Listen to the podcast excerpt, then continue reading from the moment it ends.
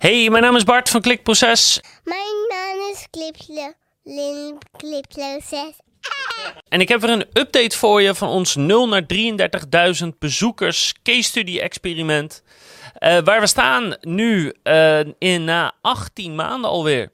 De laatste update die ik gaf was van het eerste kwartaal 2021. Dat was na 15 maanden. We zijn drie maanden verder. Dus ik denk, laat ik nog eens een update staan.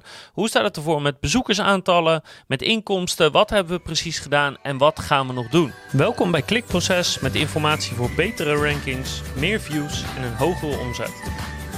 Elke week praktisch advies voor meer organische groei via SEO, CRO en YouTube. En als je het niet precies weet of inmiddels een beetje vergeten bent, uh, in 2020 hebben we een experiment gedaan om een website van 0 naar 33.000 bezoekers per maand te krijgen. Dat is iets uit de hand gelopen en het werd van 0 naar 83.000 bezoekers per maand. Dus zeg maar van 0 naar 1 miljoen bezoekers per jaar. En uh, dat was een geslaagd 2020. En nu in 2021 zetten we dat experiment voort, voor zover dat gaat. Um, nou, eind kwartaal 1 van 2021 liet ik je al weten dat we ongeveer 115.000 bezoekers per maand trekken en ongeveer 1500 euro per maand verdienen. En nu ga ik je laten zien hoe dat verder is gegroeid. En een van de belangrijkste dingen die ik je meldde aan het eind van de vorige update is dat we eind maart ongeveer 100 artikelen online hebben gezet. Dus dat, die nog, dat we wel dat werk al hadden gedaan, maar dat het nog niet in de update verwerkt zat. Want ja, als het net online staat, moet het nog gaan ranken. Dus dat is een belangrijke om te onthouden. Eind maart kwamen er 100 artikelen online. En in de drie maanden die volgden hebben we 176 pagina's nog online gezet. Maar er is even iets goed om te weten. Namelijk dat die 100 die we eind maart online hebben gezet en deze 176 zijn van significant lagere kwaliteit dan de artikelen die we daarvoor online hebben gezet. En dat heeft gewoon te maken met dat we voor een deel wat dingen aan het testen zijn. Dat artikelen anders zijn, vaak, vaak veel korter zijn. Dat we uh, veel minder aandacht steken in de kwaliteit van het artikel omdat we wilden kijken, uh, ja, we hebben niet heel veel prioriteit en, en daarmee tijd en resources om hiermee verder te gaan, uh, omdat de prioriteiten ergens anders liggen. Kunnen we dan met wat simpelere, minder kwalitatieve artikelen ook nog steeds de site laten groeien en nog steeds inkomsten verdienen? Dus dat is even goed om te weten. Dus 100 in maart en 176 in drie maanden uh, li lijkt misschien veel. Maar gezien de kwaliteit valt het best wel mee. Dus veel kwantiteit en weinig kwaliteit. Nou, wat heeft dat opgeleverd? Nou, in maart hadden we 116.000 bezoekers.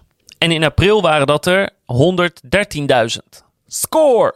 3000 bezoekers minder dan de maand ervoor. En daarna zie je een hele grote sprong van die 113.000 naar 148.000 bezoekers in de maand. Uh, in, in de maand mei. En in de maand juni is dat nog ietsjes gegroeid naar 148.000 en een half in de maand. Bizar eigenlijk, hè? Als we het heel even afronden, dan zit je dus op 150.000 bezoekers per maand. Dat betekent dat je op 1,8 miljoen bezoekers per jaar zit, die even naar zo'n simpele website getrokken wordt. Dus dat getal op zich is al vrij bizar eigenlijk om over na te denken. En zeker als je weet dat die site gewoon, ja, als, als we de tijd en aandacht voor zouden hebben, zou die gewoon echt tien keer zo groot kunnen worden, zonder problemen. Dus het is bizar dat in 2021 zoiets nog steeds werkt, maar dat maakt het wel weer heel erg leuk. Ik zou toch eigenlijk ook denken, even hardop gedacht, er zou toch wel een adverteerder te vinden moeten zijn die gewoon altijd op die site wil staan als die weet dat het bijna 2 miljoen bezoekers per jaar trekt. Dus even los van die Izoic advertenties dat er iemand daar geld voor wil betalen, een x-bedrag per maand of zo. Maar nou ja, dat is misschien iets wat we in de, in de toekomst gaan uh, ondernemen. Um, dus dat zijn qua bezoekersaantallen.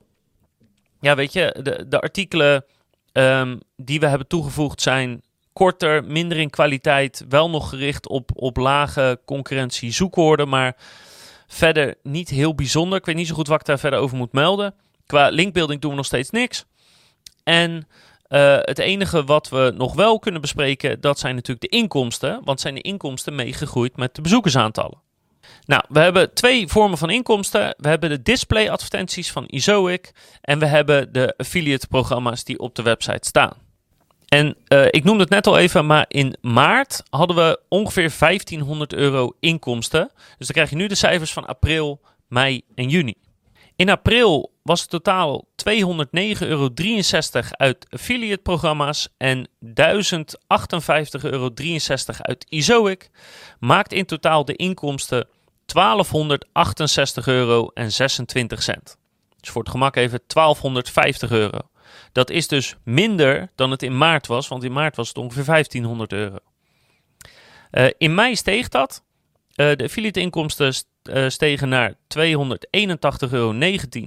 En Izoix steeg naar 1378 euro en 17 cent. Maakt in totaal de inkomsten van mei 1659 euro en 36 cent. En in juni, de grootste maand tot nu toe, zakte de affiliate inkomsten naar 107,86 euro. Uh, dus ja, bijna uh, nog. Het zakte bijna met 60%. En ik heb geen idee waarom. Uh, ik heb ook geen tijd of, of energie erin gestoken om erachter te komen. Maar de affiliate inkomsten zijn flink gedaald.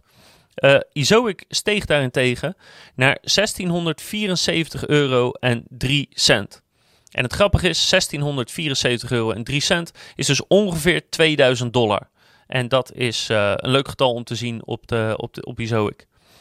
Uh, maakt totale inkomsten in juni 1781 euro en 89 cent.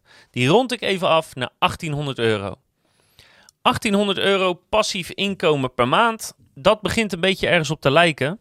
Het is ook grappig dat we na 15 maanden 1500 euro hadden en nu na 18 maanden 1800 euro. Dus ik weet niet of dat normaal is dat het met 100 euro per maand blijft stijgen. Maar ik vind het prima, want dan zouden we einde van dit jaar op 2400 euro per maand zitten. Wat wel nog heel belangrijk om te melden is, is het volgende. Namelijk, een van de meest gestelde vragen die we krijgen over deze case study is de vraag: hoe doen jullie dit? En kan ik dat leren of ga je die techniek vrijgeven? En het antwoord daarop is ja, dat gaan we doen. En uh, naar alle waarschijnlijkheid dit jaar. Maar in de volgende video, die gaat over een update van, de, van deze case study in het Engels, ga ik je uitleggen hoe dat dan zit, uh, uh, hoe we hem precies gaan vrijgeven, wanneer we dat verwachten te doen, etc. Dus als je wil weten hoe we dit doen en je wil dit leren, dan moet je even ons YouTube-kanaal en onze podcast in de gaten houden. Want ik ga binnenkort daar mededelingen over doen. Maar ja, we gaan het vrijgeven en naar alle waarschijnlijkheid nog dit jaar. Ik hoop dat je daar wat aan hebt. Ik hoop dat je het nog steeds leuk vindt om die case study te volgen. En ik hoop natuurlijk dat je de volgende keer weer kijkt, luistert of leest naar een volgende update over deze case study. Uh, zeker de, de Engelse case study update, want daar komt dus die belangrijke mededeling over wat, wat we, hoe we dit precies gaan vrijgeven. En natuurlijk andere video's en podcasts over nog veel meer tips rondom SEO, CRO en YouTube.